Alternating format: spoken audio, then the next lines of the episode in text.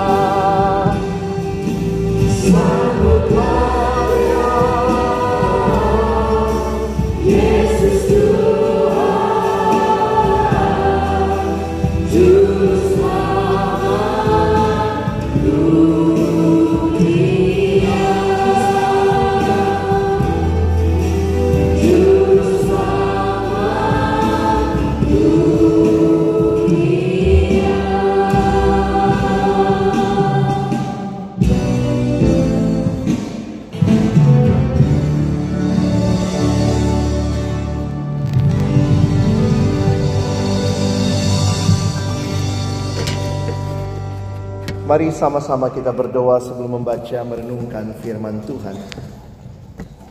Kami akan membuka firman-Mu ya Tuhan. Bukalah juga hati kami. Jadikanlah hati kami seperti tanah yang baik. Supaya ketika benih firman Tuhan ditaburkan. Boleh sungguh-sungguh berakar, bertumbuh. Dan juga berbuah nyata di dalam kehidupan kami. Berkati hambamu yang menyampaikan firman. Setiap kami yang mendengar, Tuhan tolonglah kami semua. Agar kami bukan hanya menjadi pendengar-pendengar firman yang setia, tapi mampukan kami di dalam hidup kami boleh menjadi pelaku-pelaku firman-Mu di dalam keseharian kami. Bersabdalah ya Tuhan kami umat-Mu sedia mendengarnya di dalam satu nama yang kudus, nama yang berkuasa. Nama Tuhan kami Yesus Kristus. Kami menyerahkan pemberitaan firman. Amin. Shalom. Selamat pagi Bapak Ibu Guru dan juga adik-adik yang saya kasihi dalam Tuhan Yesus Kristus. Pagi ini sama-sama kita akan merenungkan firman Tuhan di dalam tema Starlight dan saya akan mengajak kita membaca bersama-sama di dalam Matius pasal yang kedua ayat 1 sampai 12. Kalex akan bacakan bagi kita sekalian Matius pasal yang kedua ayat 1 sampai dengan ayatnya yang ke-12.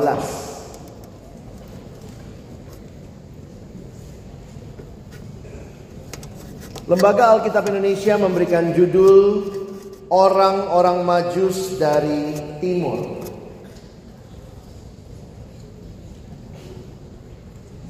Kita baca bergantian, saya mulai ayat 1, teman-teman ayat 2, kita bergantian sampai ayat 12. Sesudah Yesus dilahirkan di Bethlehem di tanah Yudea pada zaman Raja Herodes, datanglah orang-orang Majus dari timur ke Yerusalem dan bertanya-tanya manakah dia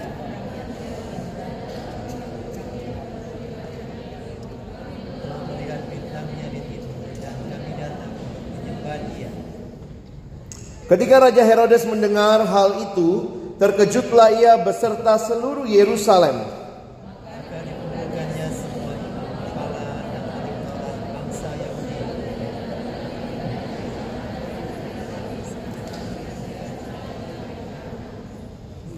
Maka bertanya, berkata kepadanya, di Bethlehem di tanah Yudea, karena demikianlah ada tertulis dalam kitab Nabi.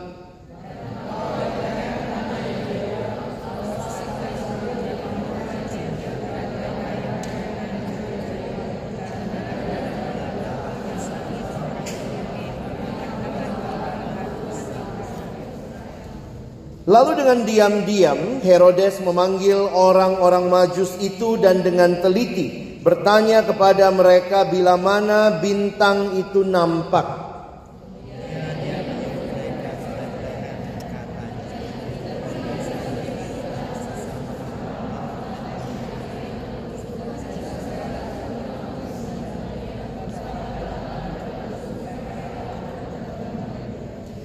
Setelah mendengar kata-kata raja itu, berangkatlah mereka dan lihatlah bintang yang mereka lihat di timur itu mendahului mereka hingga tiba dan berhenti di atas tempat di mana anak itu berada.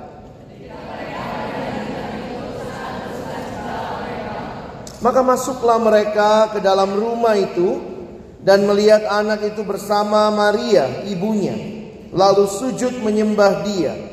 Mereka pun membuka tempat harta bendanya dan mempersembahkan persembahan kepadanya yaitu emas, kemenyan, dan mur.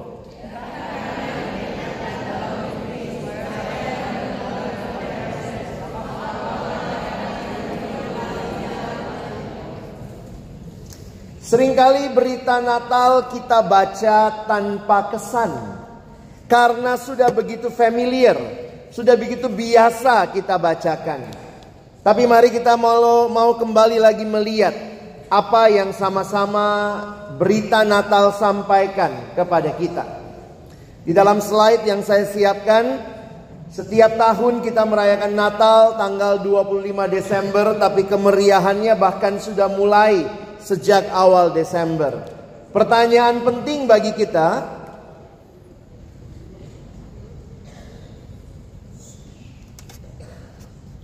hal apa saja yang kita ingat pada waktu merayakan Natal? Apakah yang menjadi kemeriahan Natal ini yang kita ingat? Kadang-kadang begitu meriahnya Natal sampai kita lupa apa yang sedang dirayakan. Ada seorang penulis mengatakan merayakan Natal itu berbahaya. Kenapa?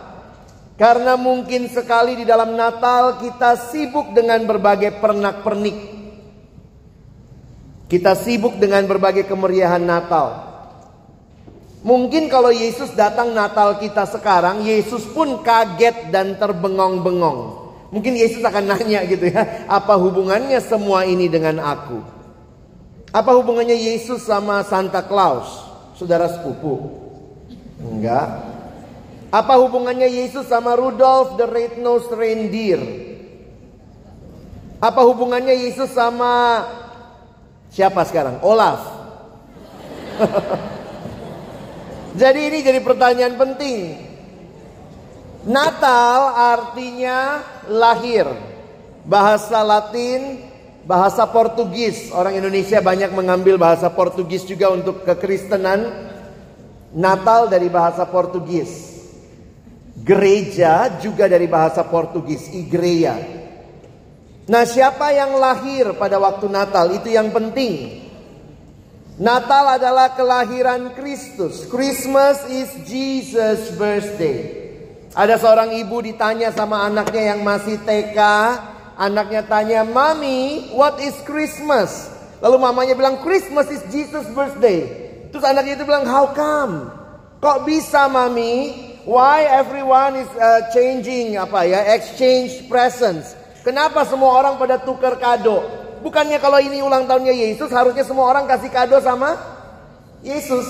Mau nggak kamu undang orang ulang tahun ke ulang tahunmu, semua bawa kado, lalu dia tukar di antara mereka. itu nggak masuk akal gitu ya. Karena itu hari ini Kalex ingin mengajak kita belajar memberikan persembahan yang terbaik kepada Yesus. This is Jesus' birthday. What is the most important thing about Christmas? The most important thing about Christmas is the first six letters C H R I S T. Christmas without Christ tinggal mas, mas, mas.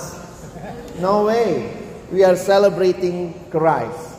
Karena itu ingat, Christmas is empty without Jesus. And Jesus supposed to be at the very heart of our Christmas. Inilah yang disampaikan di dalam berita para malaikat. Tadi kita sudah dengar ya. Disampaikan. Breaking news.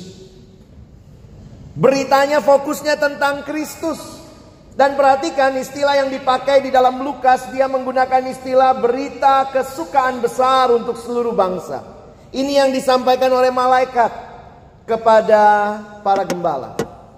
Ini berita kesukaan besar untuk seluruh bangsa. Banyak berita kesukaan itu sifatnya lokal. Tapi ini bukan berita lokal, ini berita untuk seluruh bangsa. Tidak heran kalau kita perhatikan di Matius pasal yang kedua. Saya melihat bagaimana Matius melihat dan juga mencatat kedatangan orang Majus.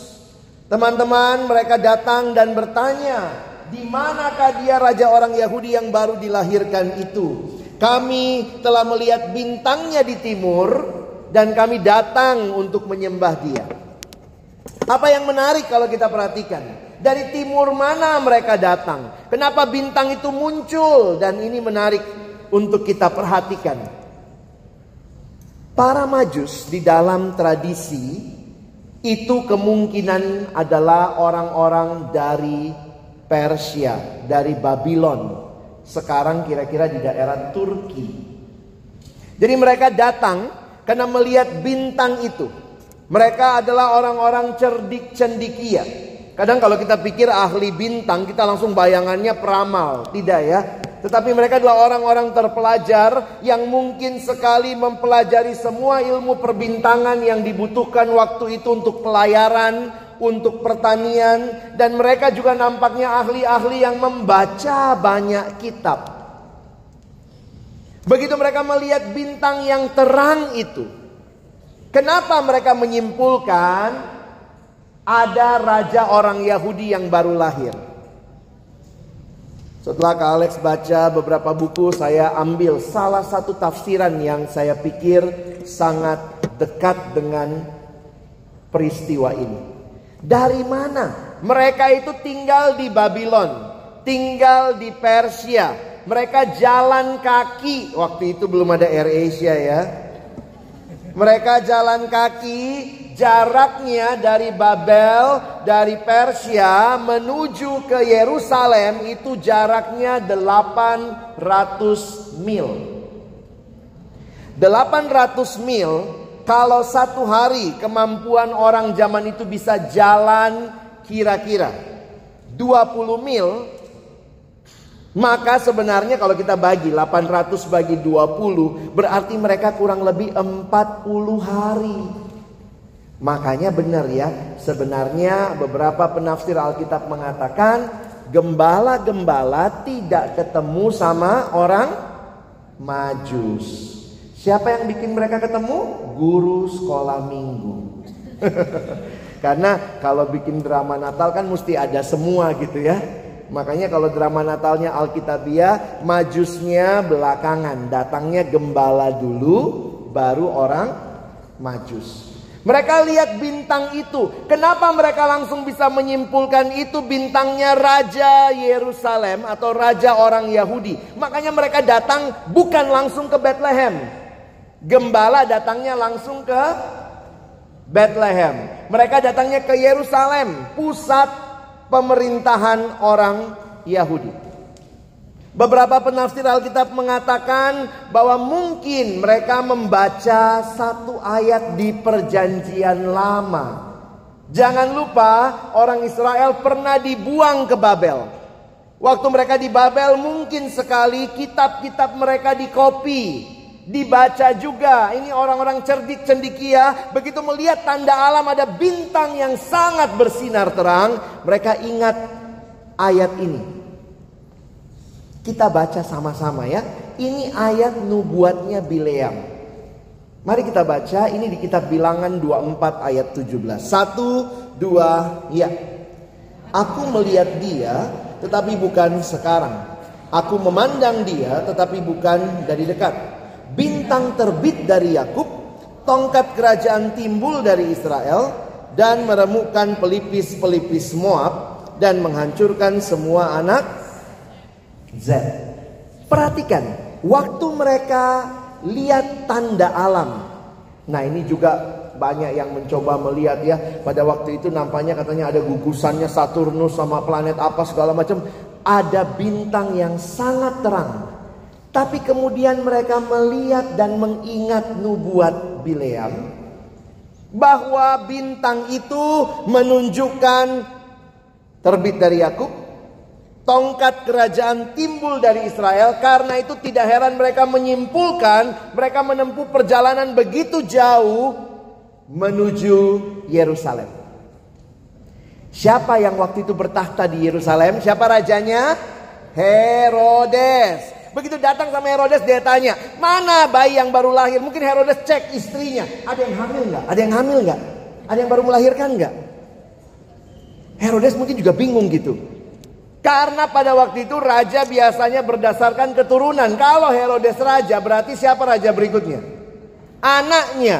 Orang majus datang dan nanya gitu. Mana raja yang baru lahir? Pasti anakmu dong. Herodes bilang, hah? Istri gua kagak hamil. Gak ada. Mungkin Herodes cek lagi. Coba cari lagi. Mana tahu ada istrinya yang hamil. Yang baru melahirkan. Tidak ada. Herodes suruh tanya sama siapa? Tanya sama ahli Taurat. Mereka orang-orang yang menguasai kitab suci. Cek di mana raja itu lahir. Ternyata nubuat Nabi Mika. Dia bakal lahir di Bethlehem. Yerusalem itu di atas, Bethlehem di selatan, di bawahnya. Itu kurang lebih 6 mil, 6-7 mil atau kira-kira sekitar 9,7 kilometer. Mereka turun menuju Bethlehem. Dan di situlah mereka melihat berjumpa dengan Kristus. Bintang itu, bintang Yakub itu menuntun mereka kepada Kristus. Kenapa? Karena ini berita kesukaan besar untuk seluruh bangsa. Semua orang dituntun berhadapan berjumpa dengan Kristus. Teman-teman dan saya sekarang kan ketemu Yesusnya nggak lewat bintang ya. Tapi lewat firman Tuhan. Engkau dan saya kenal siapa juru selamat. Kalau bintang saja dipakai Tuhan membawa bangsa-bangsa datang menyembah Yesus. Maka sekarang firman menjadi cara Tuhan membawa orang kepada dia. Perhatikan ayat ini. Ini ayat malaikat kepada Yusuf waktu Yusuf berniat menceraikan Maria. Lalu malaikat muncul dan menyatakan ia akan melahirkan anak laki-laki dan engkau akan menamakan dia Yesus karena dia yang akan menyelamatkan umatnya dari dosa mereka. Jelas sekali Yesus datang, jelas tujuannya buat apa? Menyelamatkan manusia dari dosa. Yesus tidak lagi datang ke dunia lagi studi tour, lagi studi banding, bukan lagi live in. Dia betul-betul datang jadi manusia. supaya masalah dosamu dan dosaku dibereskan. Karena itu ada satu dekorasi Natal yang Kak Alex sangat ingat. Dekorasi ini sangat berkesan bagi saya.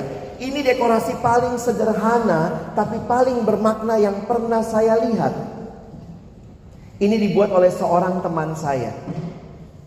Dia bikin dekorasinya cuman begini. Ini kira-kira saya gambarkan ulang ya. Dia buat dekorasinya di sebelah kiri panggung. Dia bikin waktu itu palungan. Lalu di sebelah kanan panggung dia buat bukit Golgota dan dia bikin jalan menuju ke sana. Apa yang mau disampaikan? Yang mau disampaikan sederhana. Sang bayi yang datang pada waktu Natal dia akan mati supaya engkau dan saya dibebaskan dari dosa. Tujuan Yesus datang jelas. Kita tidak bisa melihat cuma peristiwa Natal. Kekristenan harus juga melihat Natal, Jumat Agung, dan Paskah. Yesus yang mati, tapi dia bangkit, dia naik ke surga, dan dia janji akan datang kali kedua. Karena itu saya sangat senang waktu dapat gambar ini pertama kali. Ini gambar siluet hidup Yesus. Mulai dari palungan sampai dia bangkit dimuliakan. Tapi menarik, di mana Yesus bilang sudah selesai? Di kayu salib. Ya Yesus nggak bilang udah selesai di palungan ya. Kalau dia bilang sudah selesai di palungan lari tuh gembala ya. Ada anak kecil ngomong udah selesai gitu ya. Oh Yesus tidak selesai di palungan. Kalau dia datang hanya buat lahir, selesainya di mana? Di palungan. Kalau Yesus datang hanya untuk kasih makan, harusnya habis dia kasih makan 5 ribu orang, lalu Yesus ngomong, sudah selesai. Kalau Yesus datang hanya untuk akrobat, dia habis jalan di atas air, terus dia ngomong, udah selesai, pulang dia. No, Yesus datang untuk menyelamatkan engkau dan saya. Karyanya genap. Karena itu dia mengatakan sudah selesai di kayu salib. Yesus bayar harga yang sangat mahal untuk keselamatan kita. Kadang-kadang orang cuma lihat Natal, lupa salib. Kayaknya kalau waktu Natal kita begitu meriah, Yesusnya juga masih kecil bisa dibully ya. kayak tadi masukin plastik gitu ya, bisa tuh. Kalau kayak anak bayi gitu ya, ya gue balik gue balik lu banting nih ya. Kita lupa dia bukan cuma bayi mungil. Dia datang untuk engkau dan saya. Pendeta Billy Graham mengatakan kalimat ini. Allah membuktikan kasihnya pada kayu salib ketika Kristus digantung berdarah dan mati. Itulah saatnya Allah berkata kepada dunia, I love you. Kalau mau cari tentang love, kalimat ini Kak Alex suka ya. If we are looking for a definition of love, we should look not in a dictionary, but at Calvary. Di situlah engkau melihat kasih yang luar biasa. God is love and Jesus proves it. Dari mana kita tahu Allah itu kasih? Karena begitu besar kasih Allah kan dunia ini yang mengaruniakan anaknya yang tunggal. Waktu lihat karya Kristus di kayu salib, then we must say, this is the greatest love. Kalau sekarang orang nanya, apa itu love? Oh biasanya apa tangannya gini ya? Apa sarang, sarang semut, sarang tawon, sarangnya, sarangnya gitu ya. Kalau kita bicara love, Kak Alex mau kasih tahu ya. This is not love for us. This is love. Di kayu salib, Kristus berikan kepada kita kasihnya yang besar. Jadi menarik sekali apa yang terjadi ketika engkau dan saya harusnya mati dalam dosa. Sekarang boleh hidup kekal saya senang dengan kutipan dari pendeta Rick Warren. Dia berkata begini, Jesus turns our hopeless end into endless hope. Kita punya pengharapan. Kita punya hidup yang punya masa depan. Jangan takut kalau engkau sudah terima Yesus dalam hidupmu, maka engkau punya pengharapan. Jadi kalau begitu, Kak Alex sudah makin melihat ya. Kalau orang alami Natal, pasti ada perubahan. Dengar baik-baik kalimat saya. Kalau merayakan Natal sungguh-sungguh pasti ada perubahan. Ayo kita sebut sama-sama. Satu dua ya. Kalau merayakan Natal sungguh-sungguh pasti ada perubahan. Natal bukan sekadar perayaan. Natal adalah perubahan. Apa yang berubah? Kalimat orang ini bikin saya berpikir keras. Dia bilang Yesus tidak mau jadi nomor satu dalam dun- dalam hidup kita. Karena dia hanya mau jadi satu-satunya. Kalau betul saya terima Yesus yang lahir di hari Natal itu. Saya alami perubahan. Maka sekarang hidupku harusnya meninggikan dia. Serahkan kendali hidup sepenuhnya kepada Tuhan yang sesungguhnya. Saya coba menghayati apa yang kira-kira Herodes bayangkan. Waktu dikasih tahu mana raja yang baru lahir itu. Tidak mungkin dua raja duduk di satu tahta. Dengar kalimat ini baik-baik. Tidak mungkin dua raja duduk di satu tahta. Salah satunya harus turun tahta. Kalau betul Yesus yang lahir itu sekarang jadi Tuhan, jadi raja di hatiku, maka aku yang berdosa ini harus turun tahta. Dulunya aku segala-galanya, yang aku mau, yang aku suka, yang aku, aku, aku. Sekarang kalau saya merayakan Natal, saya harus turun tahta karena dialah yang harusnya memerintah di hatiku. Jangan bilang ih Herodes jahat banget sih. Mungkin kita sama kayak Herodes. Di hati kita masih ada Herodes-Herodes kecil. Yang masih tidak rela turun tahta. Oh aku rajanya. Yang aku mau, yang aku suka. Bukan aku tuannya. Tapi adalah Yesus. Karena itu tadi seorang yang bernama Kyle Idleman itu. Dia tulis satu buku yang bagi saya menarik. Kesimpulannya sederhana. Kalau Yesus jadi raja di hidupku, kalau Yesus Tuhan atas hidupku, maka the end of me. Selesai aku. Now it's him. Sekarang dia. Natal mengakhiri kehidupan yang berpusat pada diri kita. Bagaimana merayakan Natal? Apa respon kita? Kalex ingat satu waktu saya datang di satu perayaan Natal. Tiba-tiba MC-nya bilang begini ya. Ini setelah ibadah, setelah perayaan lalu MC-nya bilang begini. Baik saudara, kita tiba pada acara puncak kita malam hari ini. Yaitu makan malam bersama. Ternyata bukan khotbah saya puncaknya ya. Makan malam puncaknya. Kalau Natal cuma tentang makanan, Tadi kita udah nyanyi ya, bagaimana merayakan Natal. Joy to the world, the Lord is come. Let earth receive her King. Let every heart. Ada lagu dalam bahasa Indonesia menerjemahkannya begini. Hai dunia, gembiralah dan sambut rajamu. Di mana sambutnya? Di hatimu terimalah. Harusnya Natal itu kita siapkan hati kita untuk terima Yesus. Prepare your heart.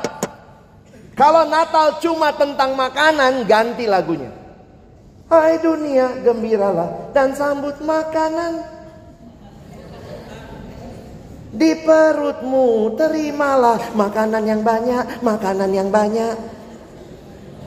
Kalau kalau Natal cuma membawa perubahan berat badan, you miss the whole point of Christmas. Natal harusnya membawa perubahan hidup. Bagaimana mulainya? Ada satu lagu indah. Kak Alex senang sekali lagu ini ya. Dia mengatakan begini. Christmas isn't Christmas till it happens in your heart. Somewhere deep inside you is where Christmas really starts. So give your heart to Jesus. You'll discover when you do that Christmas really Christmas for you. Natal hanya akan jadi Natal kalau sungguh-sungguh terjadi di hatimu. Buka hati, terima Yesus. Jadikan dia pusat dalam hidup kita. Miliki komitmen untuk berubah. Jangan hidup sama lagi seperti yang lalu. Alkitab pakai istilah, ada yang ditanggalkan, ada yang dikenakan. Hidup harus baru. Itu orang yang sungguh-sungguh merayakan Natal. Mari baca firman Tuhan baik-baik. Bangun hidup yang berakar dalam firman.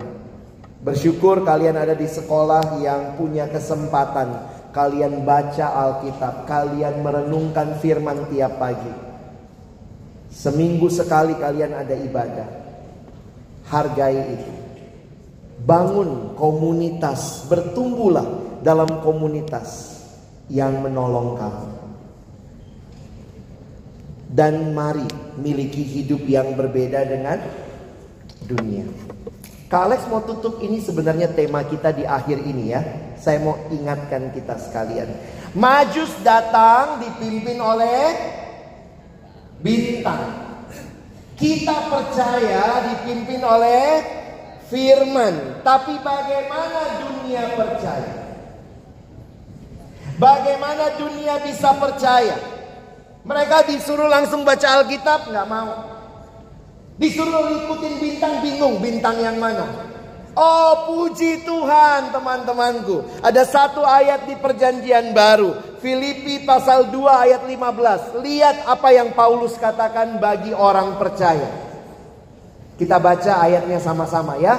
Baca ayat ini sama-sama. Ada di depan kita baca satu, dua, ya supaya kamu tiada beraib dan tiada bernoda sebagai anak-anak Allah yang tidak bercela di tengah-tengah angkatan yang bengkok hatinya dan yang sesat ini sehingga kamu bercahaya di antara mereka seperti bintang-bintang di dunia.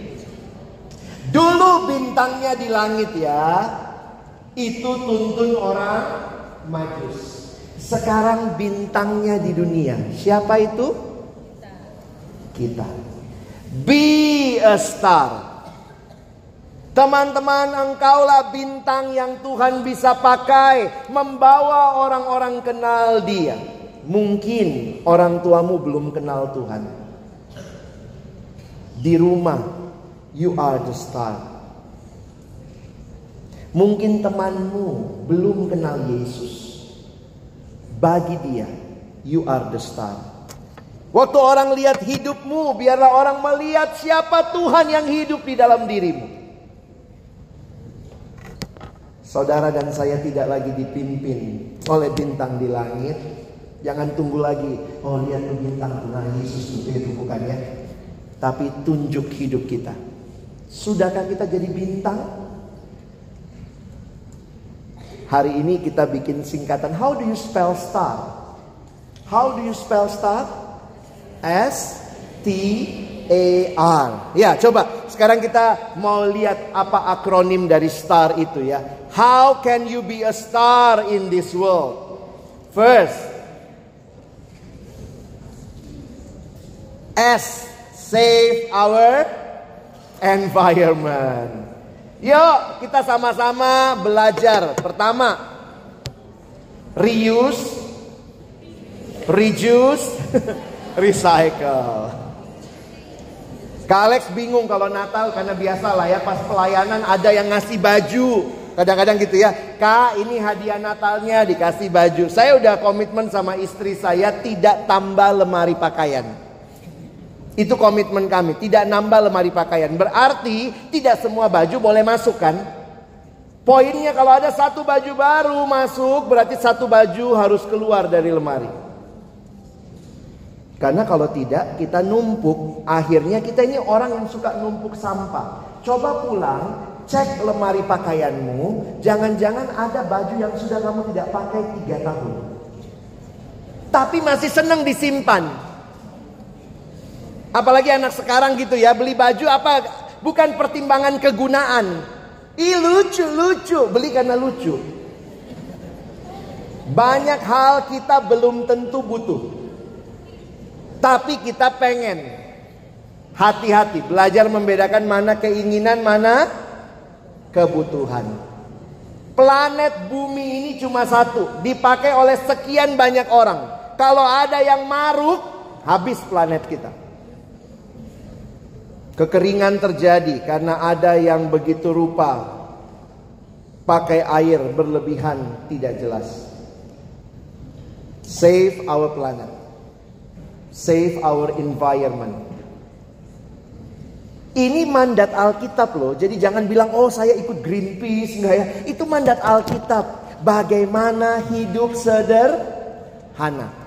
Jadi kalau kamu hidup sederhana, orang akan bisa lihat begini. Lu kok bisa puas hanya hidup kayak gitu? Then you as a star, you can tell them, my satisfaction is not depends on how many things, how much things I have but because I have Jesus in my heart, I can live a, a simple life. Simple lifestyle. Tahun ini kalau Natal pertanyaannya diubah sedikit ya. Kita kalau Natal kan biasanya kayak perampok ya. Dapat apa? Apalagi dapat apa? Dapat apa? Dapat apa? Sekarang Natalnya belajar kasih. Kasih Tuhan. Natal tahun ini saya mau ngasih apa? Saya mau ngasih apa? Saya mau berikan apa? Ya, itu juga dalam rangka simple lifestyle, then you will save our planet. Yang kedua, apa tuh? S, sekarang T. Harus punya hati yang teachable. Dosa bikin kita mau di mau mengatur semuanya. Saya yang ngatur. Kalau saya merayakan Natal harus ada hati yang teachable. Ini bukan cuma buat anak-anak tapi juga buat Bapak Ibu. Buat kita semua. Kenapa? Karena guru agung kita itu Yesus. Miliki hati yang teachable. Miliki hati yang terus mau diajar.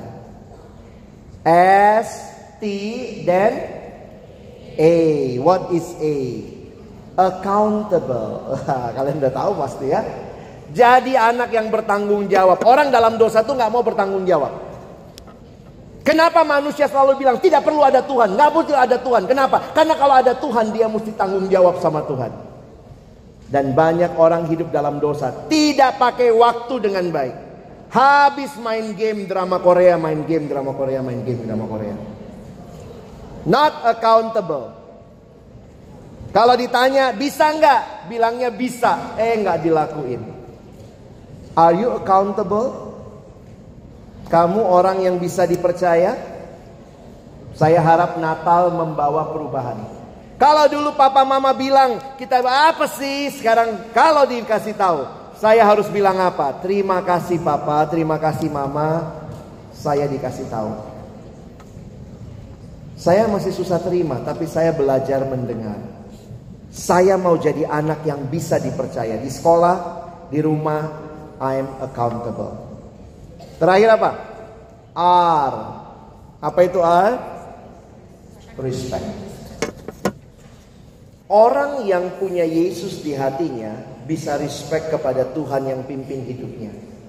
Saya melihat kalau belum ada Yesus di hatimu, mungkin juga kau susah respect sama authority. Orang yang bisa respect sama authority karena orang itu mengalami ada authority yang lebih besar menolong dia.